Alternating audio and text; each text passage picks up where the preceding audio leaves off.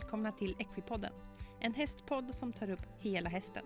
Med mig, Elin Weiner.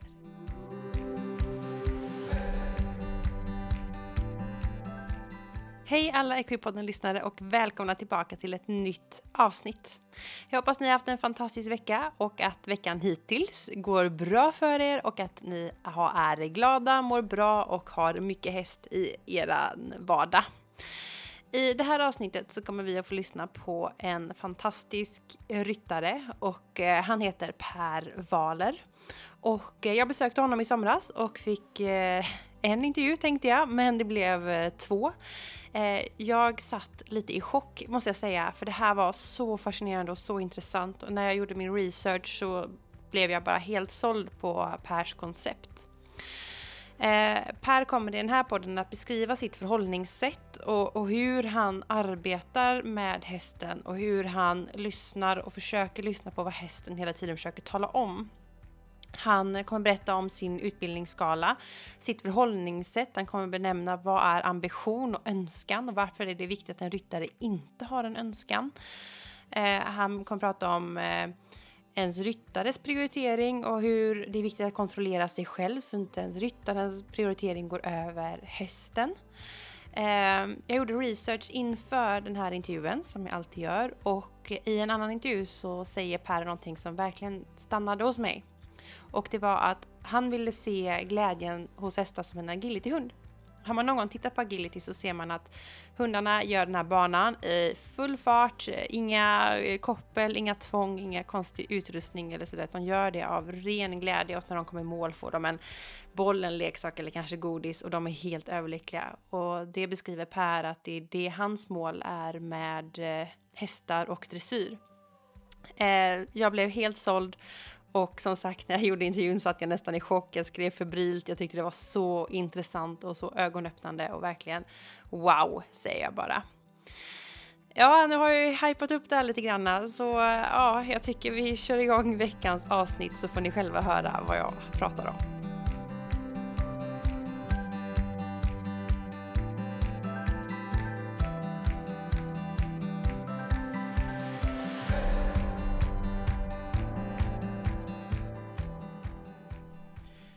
Då hälsar jag välkommen Per Waler. Hej! Hej! Kul att få komma hem till dig. Ja, kul att du ville komma hit. Vi sitter i södra Sverige, eh, långt söderut, utanför Asarum. Ja. Eller hur? Ja.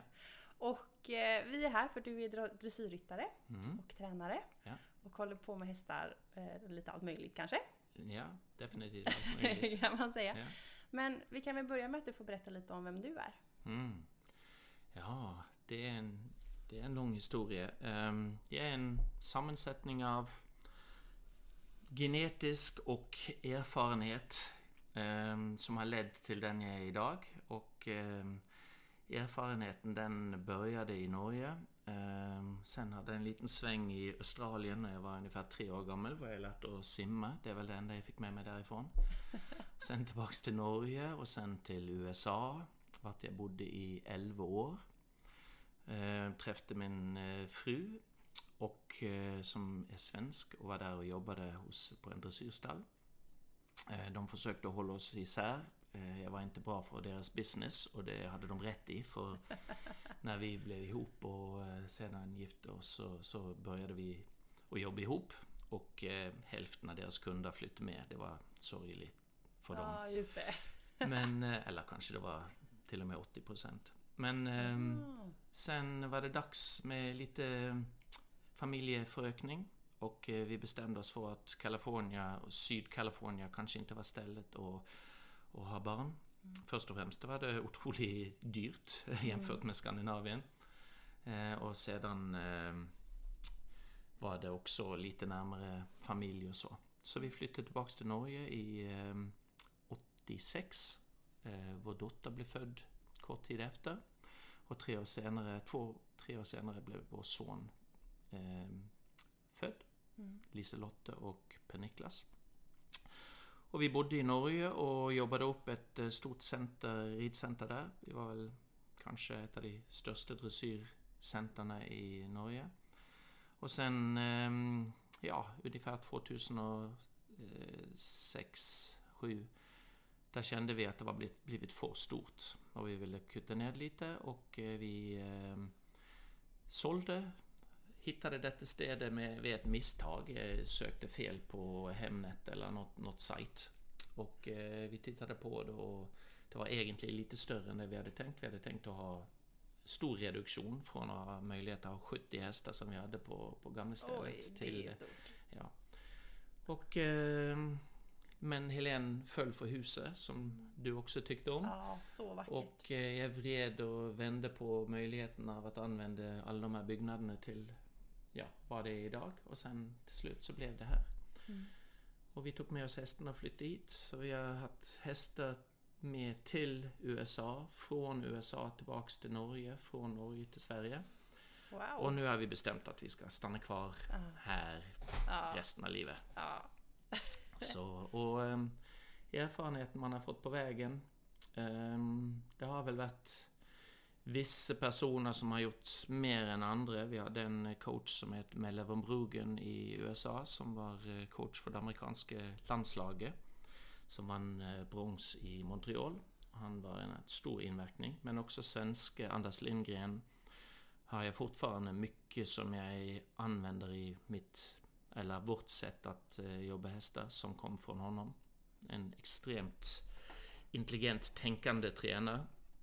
Ehm, och eh, min första eh, mentor i dressyr när jag var, gick från hoppryttare till eh, dressyrryttare, Hilda Gurney som hade just varit i, i Tyskland på ett stipend efter att hon hade fått brons i olympiaden. Det var min första dressyrryttare, var en bronsmedaljör i olympiaden. Så det var ju rätt så tur för mig att jag slapp och, och göra kanske så många misstag som jag annars ville ha gjort. Mm. Mm. Ehm, så eh, ja, det, det är lite hur, min väg till vart jag är idag. Jag har Mm. alltid haft eh, en stor kärlek för, för djur. ehm, och en eh, moster som drev med häst. Och blev kastat upp på en häst när jag var nio och föll av ungefär fem minuter sedan. Och när jag vaknade till igen, jag tror jag måste ha haft en eh, hjärnrystelse eller så, så skrek jag och prövade att komma av men alla tog ett steg till sidan så jag hittade ingen att eh, klamra mig fast i. Och när jag till slut var, hade skrittit tillbaks till stallen så hade jag slutat att gråta och som tur är så fortsatte jag med ridning. Ja. Men eh, det är lite den, det jag minns från början som har, som tur är, har fått fortsätta att gro i mig. Eh, den här kärleken för häst. Som har varit starkare än, jag vill inte säga starkare än ambitionen på tävling. Eh, för det är fel, för jag är extremt ambitiös när det gäller eh, tävling. Mm. Men det har varit en, varit en motvikt eh, som har gjort att jag kanske har eh, hejdat mig, bromsat från att göra de stora felen som kanske jag är, är kritisk till i resten av eh, tävlingssamhället, för, för att säga så. Mm. Mm. Och det har lett fram till idag helt enkelt. Mm. Och du är aktiv ryttare och tävlare ändå idag. Ja, nu har jag ju tävlat på min eh, Velba fram till tre år sedan och eh, sen fick jag en eh, Elisha. Mm. Blev bra av det och ett år senare var vi klar till tävling igen och sen fick jag en, en hoste som höll Mm. i resten av vintern. Och sen kom vi på benen igen och sen var det igen samma hoste så jag tror hon har en allergi som vi håller på att Mm. utreda nu. Så det har inte varit så mycket tävling de senaste åren men eh, vi är, vi är tävlingsklar. Vi som bara slutar hosta. Ja, det är på väg. På Ja. väg hela tiden. Så jag har, jag har ing, inte tänkt att hänga upp eh, stövlarna eller någonting. Jag har eh, mycket mer kvar av eh, de goda ambitionerna och det ska jag berätta om senare. De Mm. goda i motsats till de sämre goda ambitionerna.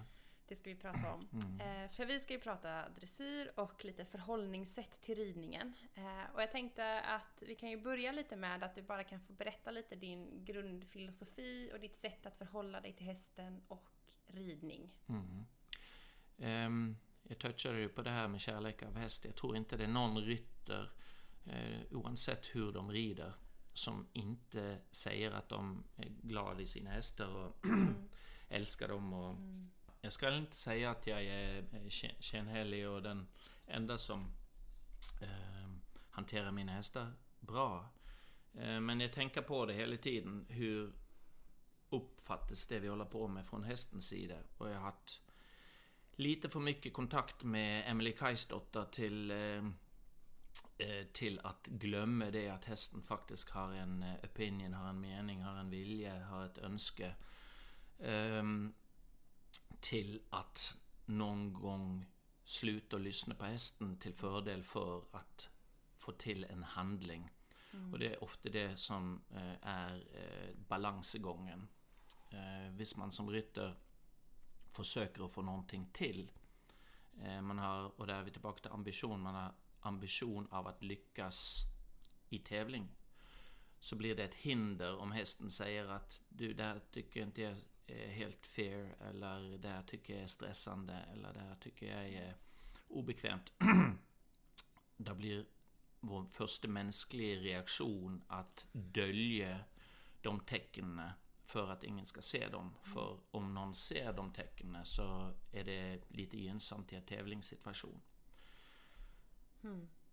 Så eh, jag försöker först och främst att lyssna på hästen och när det blir så att jag kan presentera mitt arbete på ett sätt för att jag inte behöver dölja någonting. Då är det dags att visa fram det. Mm.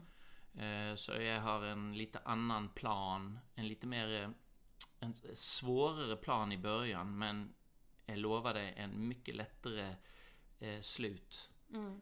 Eh, för om man inte förtrycker vad hästen säger men väntar till den inte har något att säga mm. så blir det väldigt mycket lättare på tävling.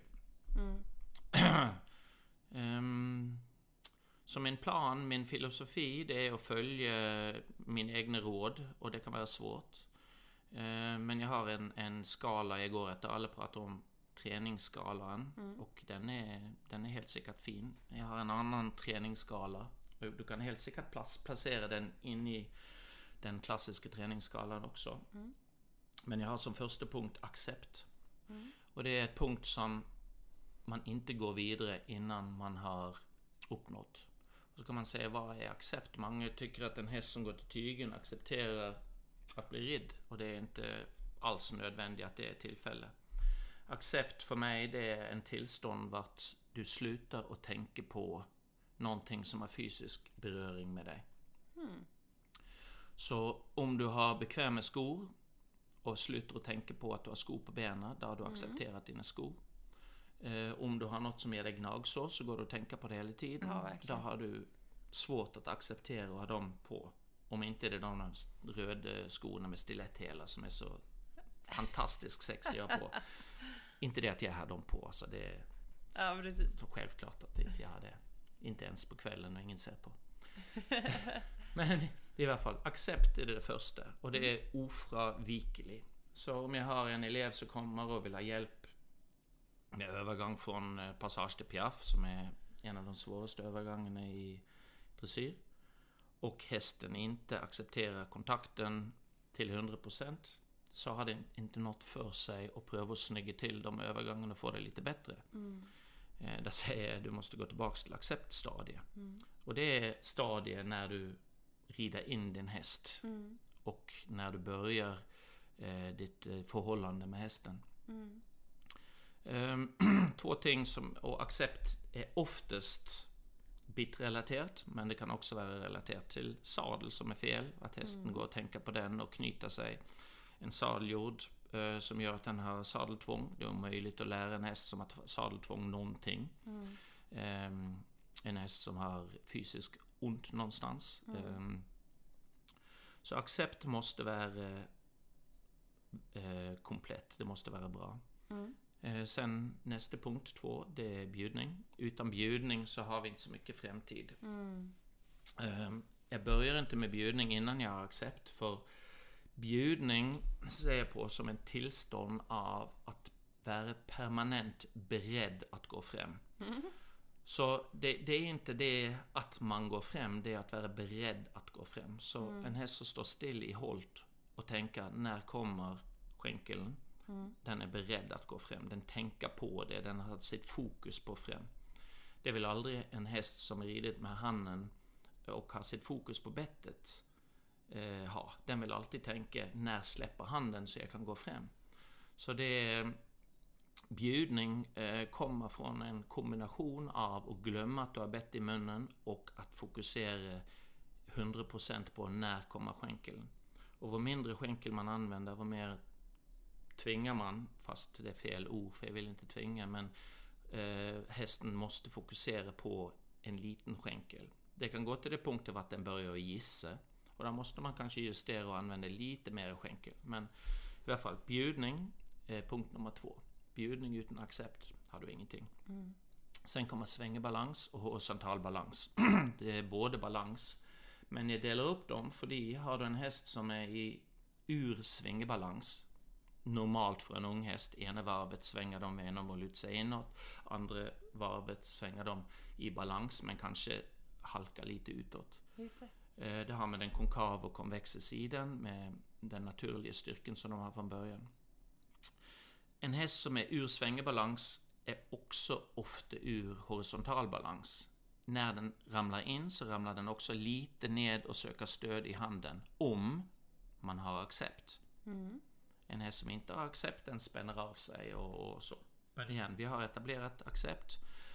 Vi har etablerat bjudning. Vi börjar etablera bjudning i alla fall. För det att ingen av detta är liksom komplett. Man blandar in, man jobbar med bjudning och när hästen går fram och faller lite in så styr man ut och korrigerar obalansen.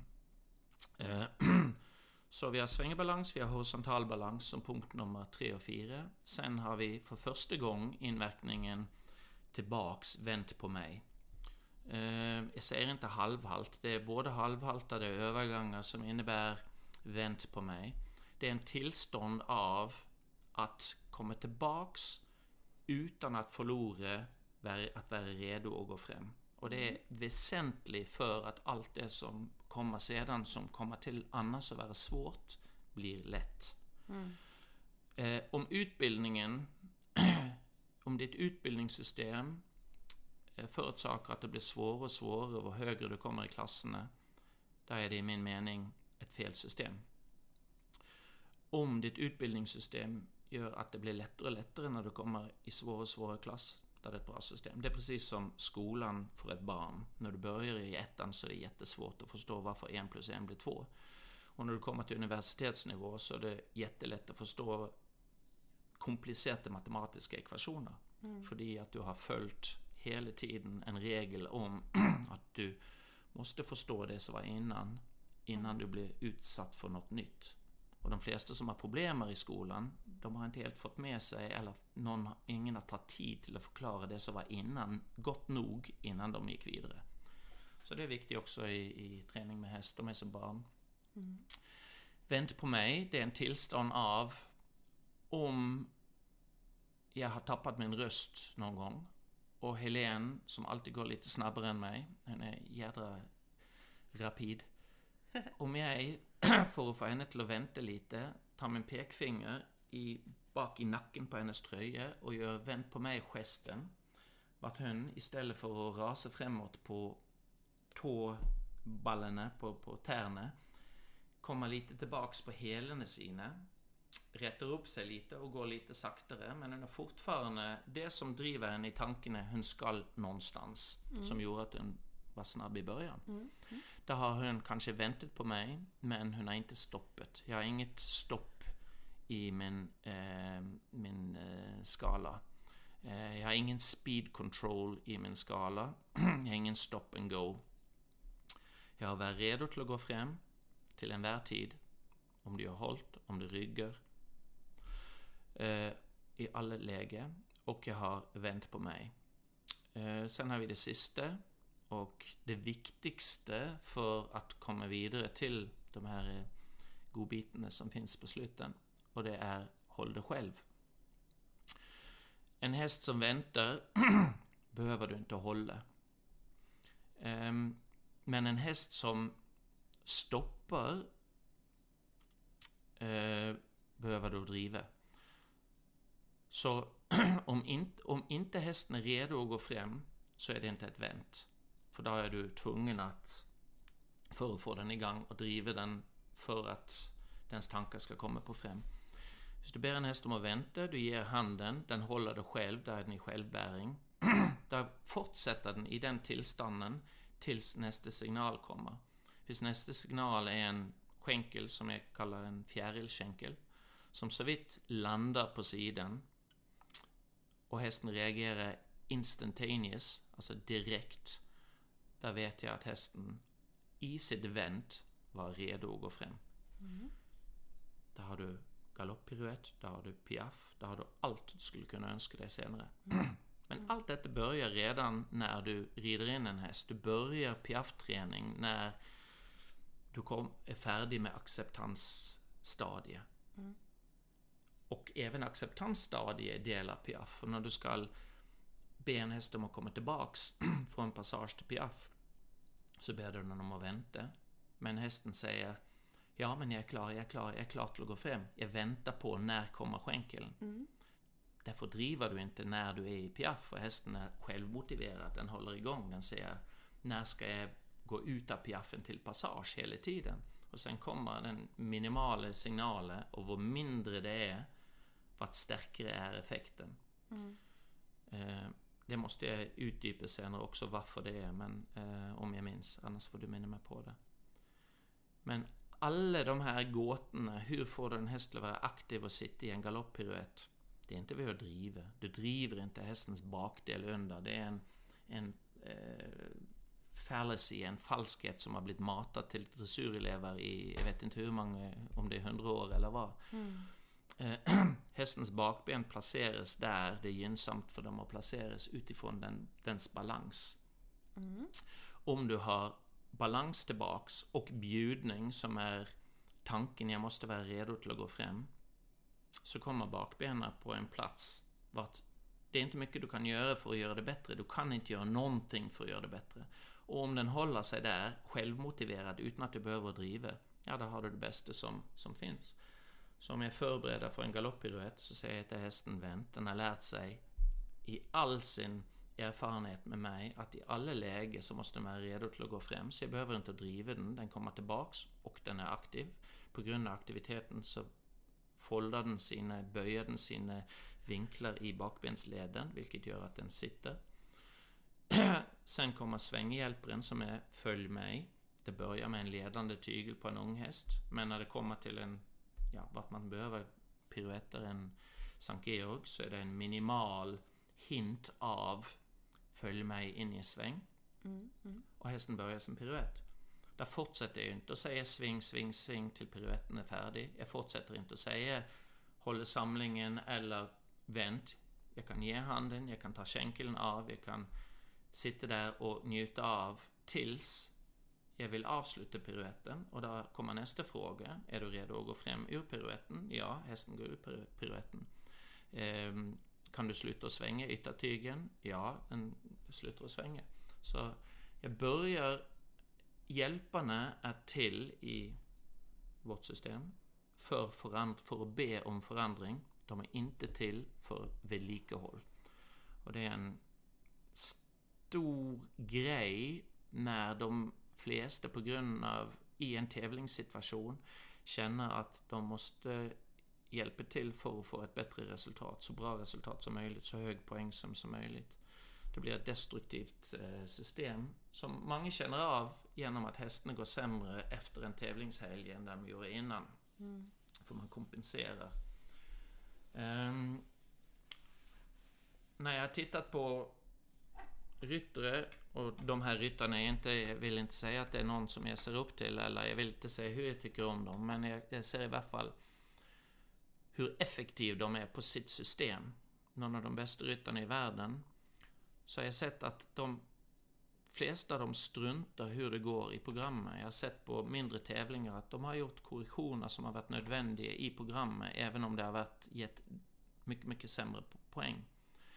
När du kan rida på tävling, precis som du gör hemma, ja, där kan du ha samma kommunikation med din häst hemma som på tävling. Om du rider annorlunda på tävling och säger åh, oh, så snart domaren eh, ringer sin klocka så förändrar min häst sig. Ja, det är för att hästen tänker så snart domaren ringer sin klocka så förändrar min ryttare sig. Där har man inte kommunikation och där brister vårt system som är baserat på kroppsinverkning. Eh, mm. Så eh, kom jag på att jag skulle bara toucha på det här med varför lite less is more. Mm. Det är ju inte det om inte man har ett system att väcka hästens uppmärksamhet. Um, det är mycket snack om negativ förstärkning. En starkare, starkare känkel till hästen går fram och sen lättar man känkeln. Jag använder inte det. Jag använder ett system vart jag från början går utifrån att hästen är fokuserad på mig. Och om den inte är det så, gör jag, så korriger, korrigerar jag, lite svårt att säga det på svenska för en norrman, korrigerar jag på ett sätt som väcker uppmärksamheten på det område vart hjälparen var gett. Och det är inte en förstärkning av hjälparen. Jag kan klappa händerna, jag kan ta en papperspåse och blåsa med luft och bang. Någonting som får hästen till att säga vadå, vadå? Om hästen blir less eller rädd, där är korrektionen allt för mycket. Mm. Om hästen till slut säger klia mig lite mer där, där är det för lite. Mm. Och för lite korrektion, det vill leda till mer okänslighet. Man mm. måste hela tiden öka, öka, öka gradvis. Mm. Så som tränare så måste jag alltid hitta den, vad den individen har för känslighetsnivå. Hur kan man, som en lärare måste i klassen med en elev. Du får inte en elev till att eh, fokusera på dig och ta till sig information om de är nervös. Om man rötar till mm. jättehårt, då blir de rädd för läraren och sen blir de fokuserade på annat än att lyssna på läraren. Eh, du får inte en elev som sitter som jag gjorde i ettan och tvåan och tittar ut fönstret och drömmer om att åka till stallen. Till att lyssna genom att säga Per och öka hela tiden sådär. Då är det bättre att lista sig upp bak ryggen till lille Per och så säga Hej, följ med. Hoppa till lite och ja, vadå, vadå? Jag gjorde ju det. Sen efter vart när lille Per börjar lyssna på knirket i golvet när läraren närmar sig. Ja. Då har du börjat att vända fokus på den ja. individen. Mm. Så allt måste vara anpassat till hästen. Och är det så att korrektionen fungerar optimalt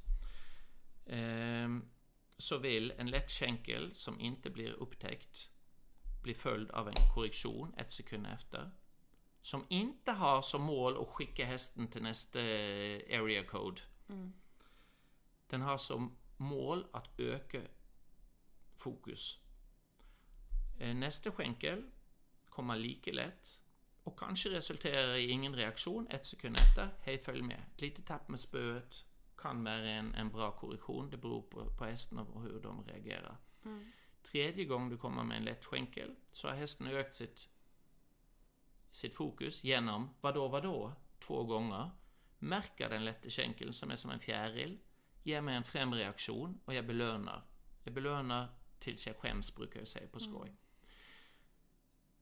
Utan reaktion, utan fokus som ger reaktion så är jag inte i belönings...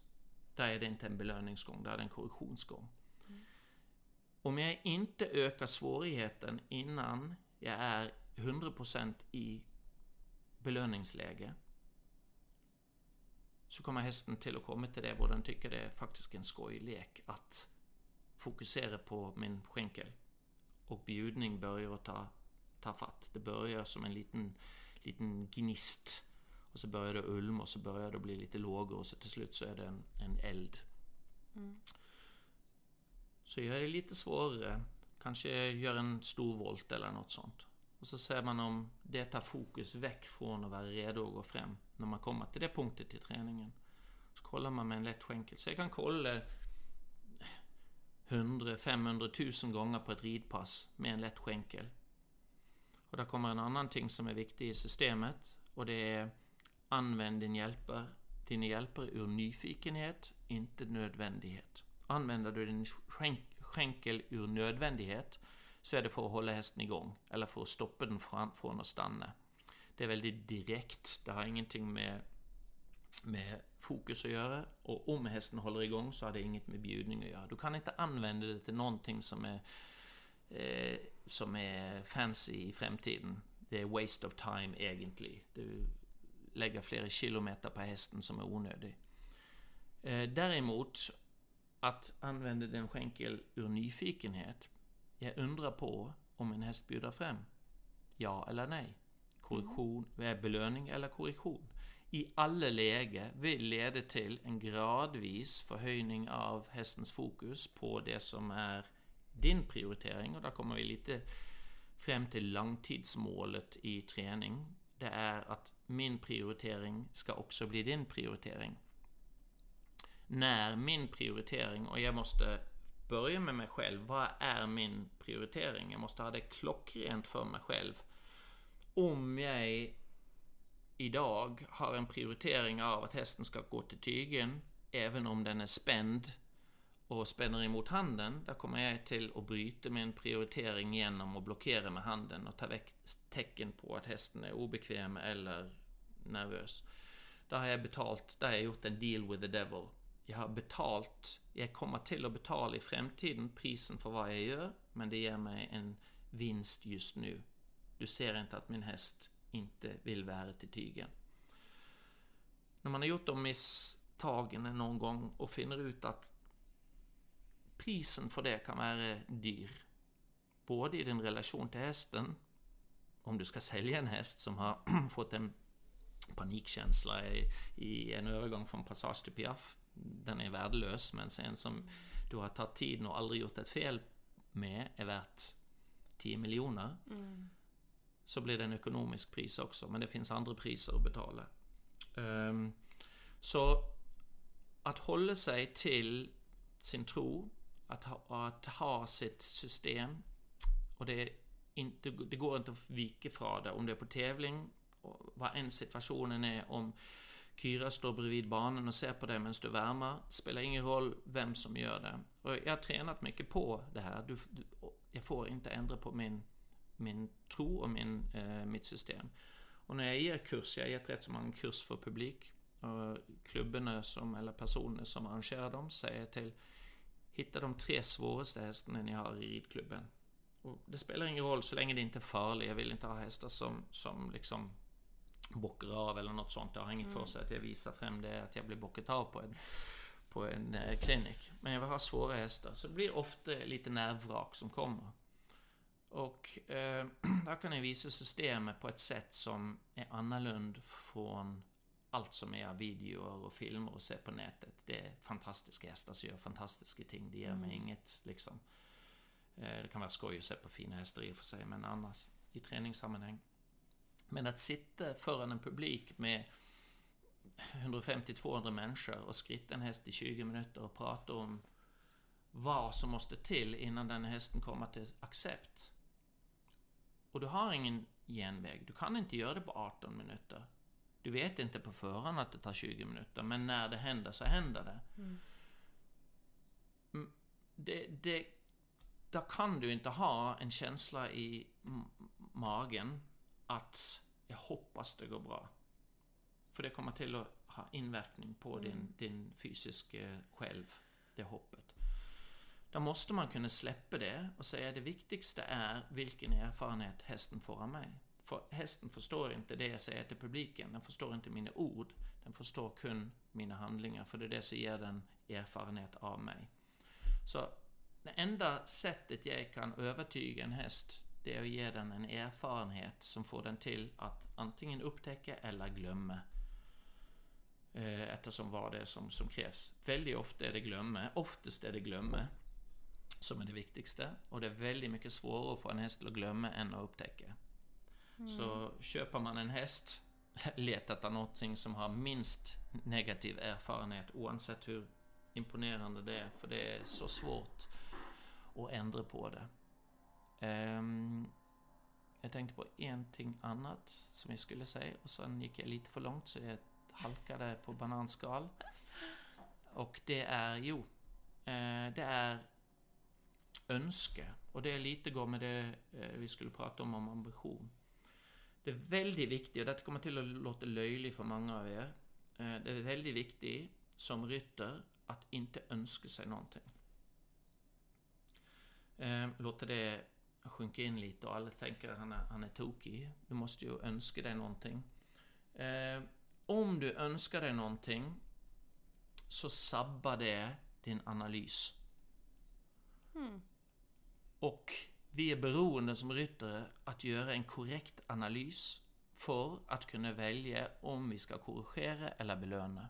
Och varje fråga vi ställer till hästen är en möjlig korrektionsgång, hvis den är ouppmärksam.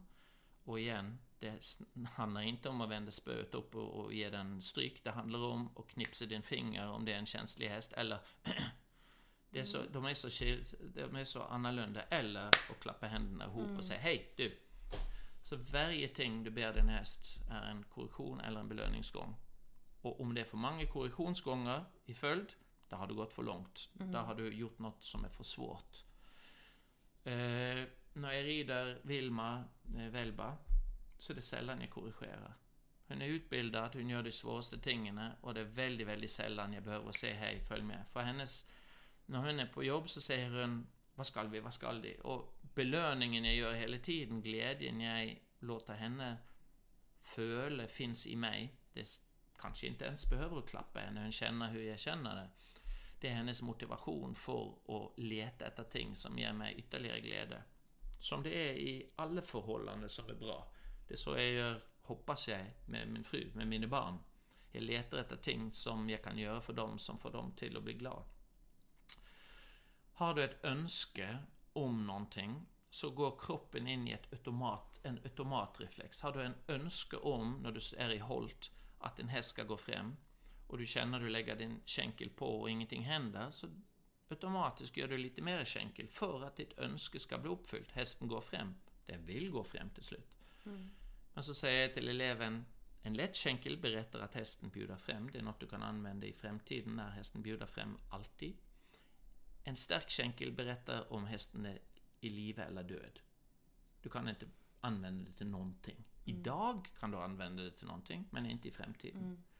Så jag ger gladlig från mig idag, varje dag, dag till fördel för framtiden. För det är den jag vill ska vara bra. Så jag har inget önske, så när jag lägger en känkel på så analyserar jag responsen, jag korrigerar eller belönar. När jag ber hästen om att vänta så analyserar jag, väntar den eller stannar den?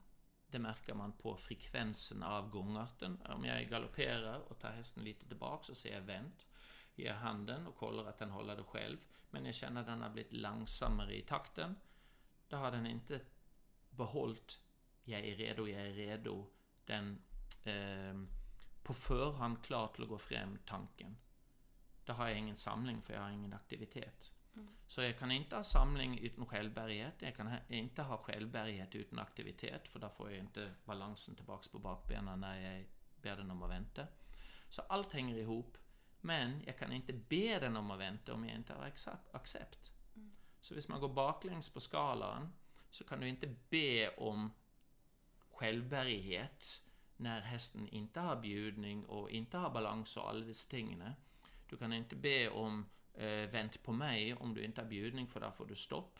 Du kan inte korrigera eh, horisontal eller svingebalans, vilket du gör med tygel, yttertygel eller med både eh, med, eh, med en halvhalt, om inte du har eh, bjudning och accept. Så den funkar tillbaks också skal, eh, skalan.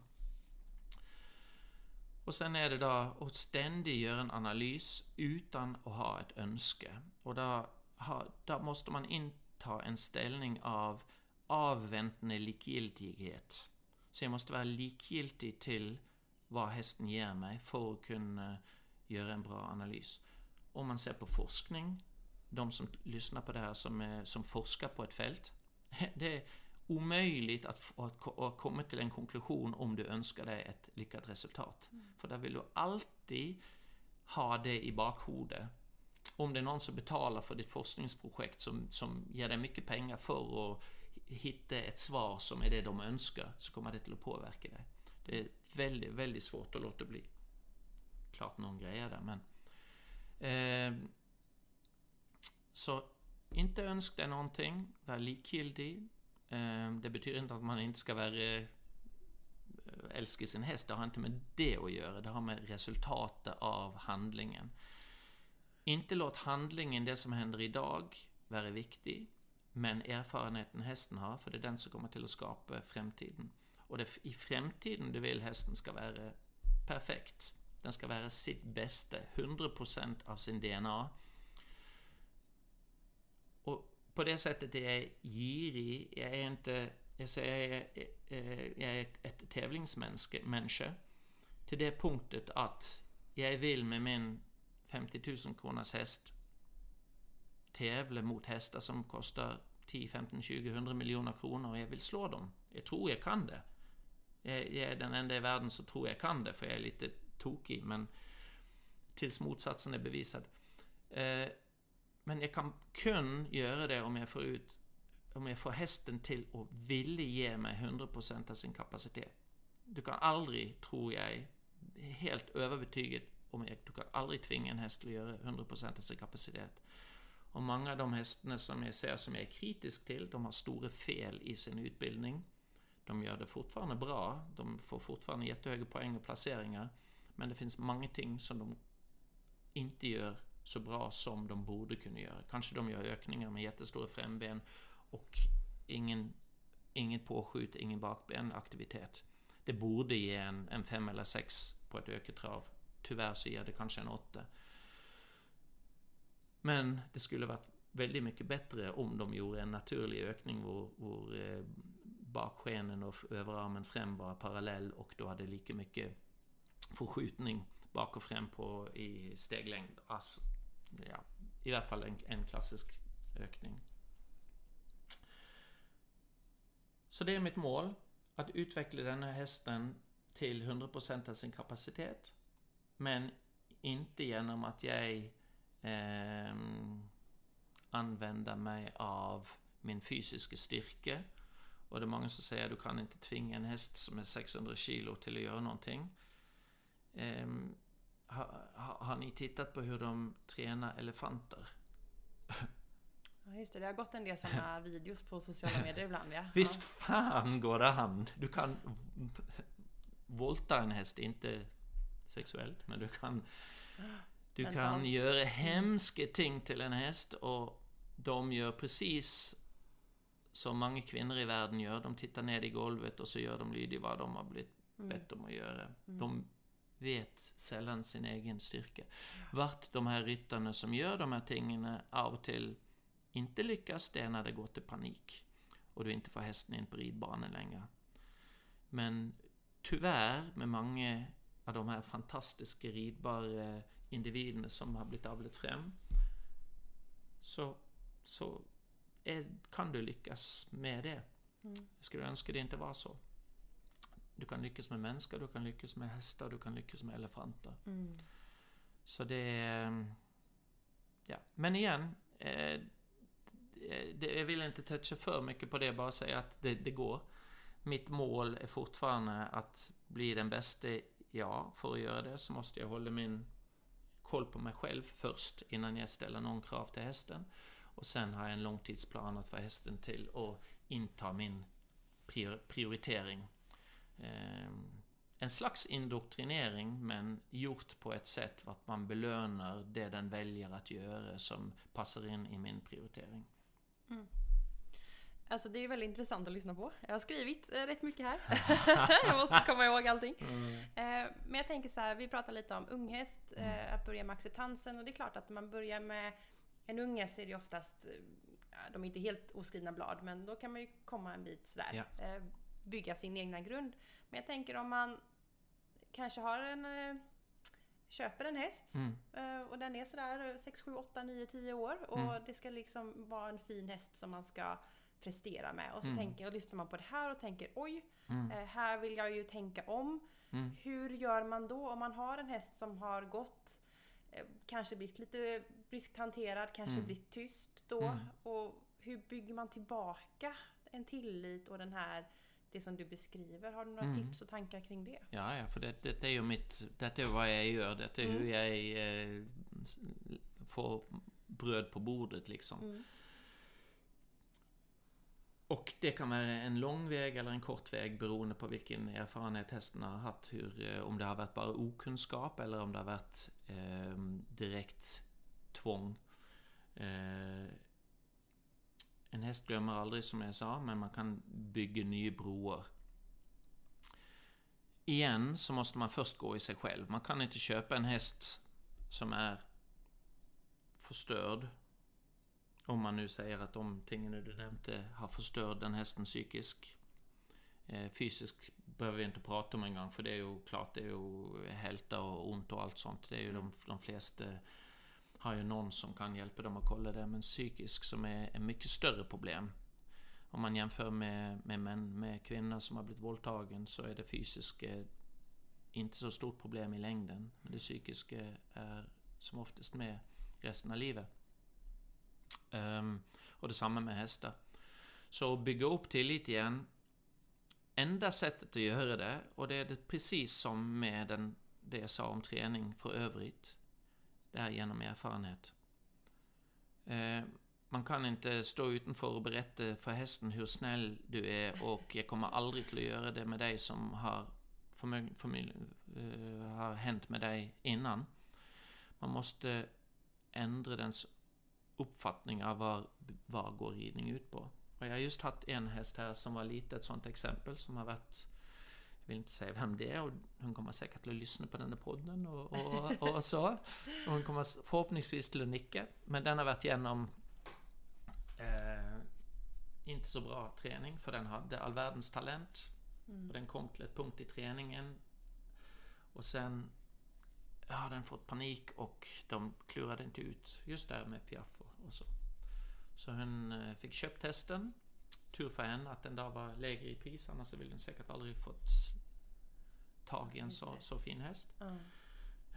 Men så kommer den här med kanske för mig som en professionell ett tidspress. Du måste reda upp detta på ett visst antal tid. Men så mm. är jag gammal nog och arrogant nog till att inte tänka så. Jag börjar med att skritta runt och när hästen lyfter sitt huvud och hals, för den är djupt skeptisk till vad min hand kommer till att göra, så lyfter jag min hand. Eh, det har effekten av att det är ingenting som stoppar den från att ta huvudet högre upp. Så den tar högre, hö, huvudet högre upp, för den är fortfarande skeptisk till min hand. Mm. För jag har inte med de två sekunder jag suttit på den mm. skapat någon erfarenhet som den kan eh, lita på. Ja. Så den tar sitt huvud ännu högre och jag tar handen ännu högre. Sen går den med huvudet så högt den kan och jag har handen min lite över det. Så går den runt och sen funderar den väldigt, vad, what the hell is happening? WTF står det skrivet i eh, dens ögon. Efter ett tag så började den undra på varför har jag mitt huvud så högt? För ingenting händer. Där har jag uppnått de två tingen som ska till för accept. Det är komfort, för det är bekvämt för en häst att ha bettet i mungipen. Det är inte bekvämt för en häst att ha tryck ned på lanerna. Mm. Så genom att lyfta min hand när hästen lyfter sitt huvud så har jag sett till att jag fortfarande har kontakt i munnen men kontakten har aldrig blivit obekväm. Mm. Jag har inte gjort någonting med att hästen inte går till tygen. Detta är en intermediär häst, men den går inte till tygen. Om man räknar med att en häst som går till tygen accepterar bettet, bjuder fram och är jämn på båda tyglarna så gör inte den hästen det. Mm, inte mm. i någon vildaste fantasi. Så går den att tänka på det, så bildar den erfarenhet av en, det är inte obekvämt, det är början till att det är bekvämt. Och två, det känns likadant ut oavsett vart jag har mitt huvud. Det är början på förutsägbarhet. Mm. Förutsägbarhet för mig är det som nyckelord för mentalt bekvämt. Så där har jag skapat en känsla hos hästen som är både fysiskt bekväm och psykiskt bekväm. Eh, jag hade en, refererat till en gång vi var i ehm, på Malta och min ehm, dotters sambo skulle köra en hyrbil och jag en hyrbil och plötsligt så sa vi ah, nej nu måste jag vara försiktig här. Shit. Eh, vi måste köra på vänstersidan av vägen. Vi har inte kollat upp det. Mhm. Han fick totalt panik och det förstörde nästan hela semestern. Mm. Det var oförutsägbart. Han hade aldrig kört på Ja, vänstersidan ja, för. Ja. Vilken ångest! Bara det att någonting är oförutsägbart. Han kan köra bil bättre än de flesta. Men det var oförutsägbart. Det är liv en häst lever när den inte vet hur det kommer till att kännas om 20 steg. Om 50 steg. Mm. Om 342 steg. Mm. Där måste den hela tiden gå och gissa och detta är mest relaterat till bettet. För det är den mest känsliga zonen av hästen vart du har oftast en stålbit. Jag skapar förutsägbarhet, inte genom att säga gå till tygen. Om du inte är till tygen så får du skylla dig själv om det är obekvämt. För det är obekvämt när en ryttare håller emot en häst. Eller ber den om att ge sig, ge kontakten, ge, ge efter. Det måste jag toucha på för det är också något väldigt viktigt lögn eller osannhet som, som har blivit spridit. Ehm, så, men tillbaks till den här hästen. Den är, eh, har en historia av att det är fysiskt obekvämt och den är mycket, mycket, mycket mentalt obekväm. Efter ett tag så började jag fundera, vad är det som händer här? Svart är vitt. Jag går med huvudet i vädret och det är, och det är bekvämt. Och det är samma känslan hela tiden. Men det är rätt så ansträngande att gå och spänna underhalsmusklerna hela tiden i onödan, så varför gör jag det? Och en häst vill alltid, förr eller sedan, komma till punkter vart den andas ut. Om de inte har något som är fysiskt obekvämt. Om jag håller en mjuk kontakt med en häst som har huvudet i vädret och den har någonting fel med munnen så att det är obekvämt hela tiden, kommer aldrig till att hända. Men om den är fysisk eh, okej och, och så, så vill den efter ett tag komma till andningspunktet. Det är början på, på ett accept. Sen kanske nästa gång jag säger följ med med en ledande tygel så spänner den sig igen. Och direkt, i och med att jag inte har ett önske eller ett hopp om att den ska gå till tygen eller hålla sig dit eller se snygg ut för de som tittar på eller något. Jag har inget önske. Så är min reaktion att lyfta handen när den lyfter huvudet direkt. Det är inget... eh, Det är som en, om man sitter i en simulator och man blir jätteduktig till att följa den här simulatorn. Vad än det är. Hästen för mig är en simulator där jag tränar mig själv till att följa dens reaktion. Så att den känner till slut att den äger bettet. När en häst känner att den äger bettet och ger tillstånd att hålla andra vägen, det blir ingen spänning. Det är ingenting som är oförutsett. Den kan planera utifrån känslan hur den kommer till att bli. Hur blir känslan om jag gör ett misstag? Jag bjuder fram och jag gissar vad det är en skänkel och jag går iväg. Hur kommer det till att kännas? Precis som nu. Ingen kommer till att noppa dig i- nosen. Ingen kommer till att bli obekvämt. För min, min plikt som rytter är att allt jag gör med hästen ska vara bekvämt och förutsägbart. Det är så jag skapar accept och det är så jag håller accept. Sen börjar vi trava. Jag kan inte göra en volte till höger och vänster med den hästen. Inte alls. Någon ryttare innan mig kunde göra det och få högre betyg på tävling. Varför? Jag är Ja, inte det. duktig nog till att göra det. Mhm. Nej, den här hästen var totalt beroende av mig för att göra allt. Ja. Jag måste hålla, jag måste driva, jag måste göra allt. Ja. Och sen gjorde den det ur lydnad. Ja. Men jag har inget...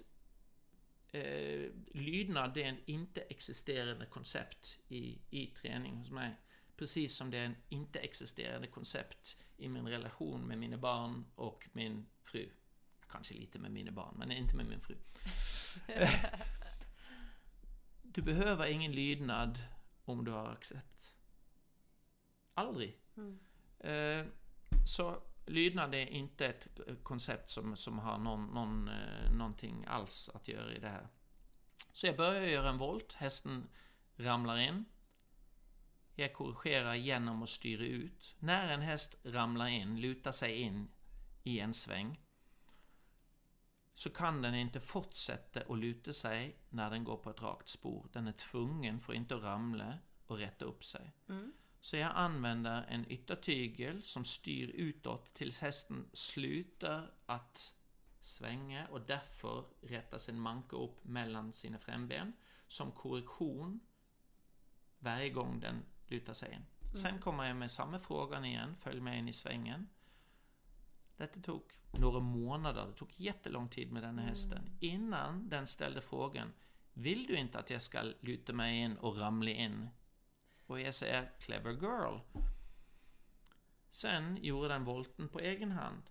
Utan att jag behövde hålla den i balans. Eller driva den med, med innerskänkel. Och det är en annan ting som jag är väldigt noggrann med. Jag använder inte mina hjälpare till ting som är hästen kan missförstå. Min skänkel använder jag till frågan är du redo att gå fram? Jag använder den inte till böj dig till insidan. Böjning händer av sig själv när en häst svänger i balans. En häst har inget sätt att svänga i balans utan att komma ett längre kliv med sin utvändiga bog och rotera korrekt i, i svängemomentet. Det lär den sig. Oftast kan de den ena vägen bättre och den andra vägen sämre, men de lär sig genom ett system som går ut på felkorrektion, fråga igen, felkorrektion, fråga igen, lite bättre, lite mindre korrektion, till slut gör de det perfekt. Det tar man sedan med sig till de här galopppiruetterna. Om man börjar med en sväng, hästen har gjort sina fel, den har gjort sina för snabb in i en sväng och lutat sin balans. Så den gör det inte. Så första piruetten du ber på en häst, den borde vara bra. För den har gjort sina fel när den gjorde sina första volter som, som fyraåring. Ja, precis. Och den ska vara väl För det- förberedd för det. För det är samma, precis samma system. Ja. Den gör sina fel, den blir korrigerad, till slut så lär den från sina fel. Korrektionen får aldrig göra att den blir rädd eller stressad. Det måste vara något som gör att den till slut säger aha. Det måste vara en logisk förklaring på motsatsen av felen hästen gjorde. Ja, eh, nu har vi pratat på en bra stund eh, och eh, vi har bestämt att vi kommer att avsluta här och så kommer vi spela, göra en ny inspelning som kommer då nästa vecka för er som lyssnar på det här. Eh, Men jag tänkte bara Per, om man tycker det här var jättehäftigt och jätteintressant, hur gör man för att komma i kontakt med dig? Ja, först så tar man kontakt med en psykolog för det är någonting som är allvarligt fel med dig om du tycker så. Men det är samma fel som jag har i så fall. Eh, Men det, är, man kan nå mig på Messenger eller man kan eh, hitta mitt telefonnummer Mm. på Eniro. Och Hvis jag inte har tid så kan vi avtala en tid när jag är i bilen och åker någonstans för att ge kurs där jag kan prata och, och så. Så det är, det, det går eh, inte vara blyg. Eh, Jag svarar på allt. Och även om ni är kritisk till eh, vissa av mina, mina tankar och så, så är, är det helt okej att rösta det. För som i all diskussion, om någon inte är ens med dig och grejer att övertyga dig om deras sida så lär man någonting. Mm. Och eh, om man kan försvara sin påstånd så kanske de lär någonting. Så det är sunt med, med diskussion. Verkligen. Mm. Så tveka inte att höra av sig om man tycker det här var intressant. Ja. Så kör vi del två nästa vecka. Yes.